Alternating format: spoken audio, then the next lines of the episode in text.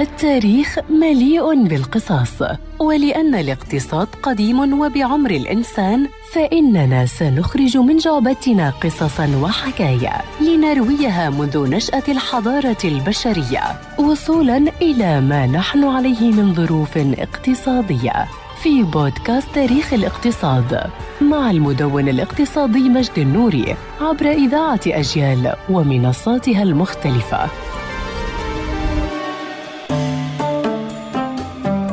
تعد بريطانيا مهد الصناعة المالية في العصور الوسطى والعصر الحديث وتمتلك أحد أقدم البنوك التجارية التي ما زالت تعمل حتى يومنا هذا وهو بنك هورز وهو بنك بريطاني خاص ما زال مملوكا لمؤسسيه الأصليين وهو أقدم بنك مملوك للقطاع الخاص في بريطانيا ورابع أقدم بنوك العالم التي ما زالت تعمل. وقد أنشأه سير ريتشارد هور بعدما انتهى من تدريبه المهني في المجال المالي. وفي مبنى هذا البنك متحف يتحدث عن تاريخه العريق ويتميز يتميز ببنائه الزجاجي. وقد استخدم الصاغة هذا البنك لحماية نقودهم وأشيائهم الثمينة ليزدهر هذا البنك حتى حاز مؤسسه على لقب فارس من الملكة آن عام 1702 وليصبح بعد ذلك عمدة لندن. وقد انتعش البنك بثروات البريطانيين في القرن العشرين بسبب مصداقيته وأصبح ملاذا آمنا بعد الحرب العالمية الأولى لمعظم الأموال للبنوك أيضا. وفي الحرب العالمية الثانية قام موظفو البنك بحماية أموال البنك بجلبها لمنازلهم ليمتلكوا امتد هذا البنك بأعماله التجارية المختلفة حتى يومنا هذا بعمر ناهز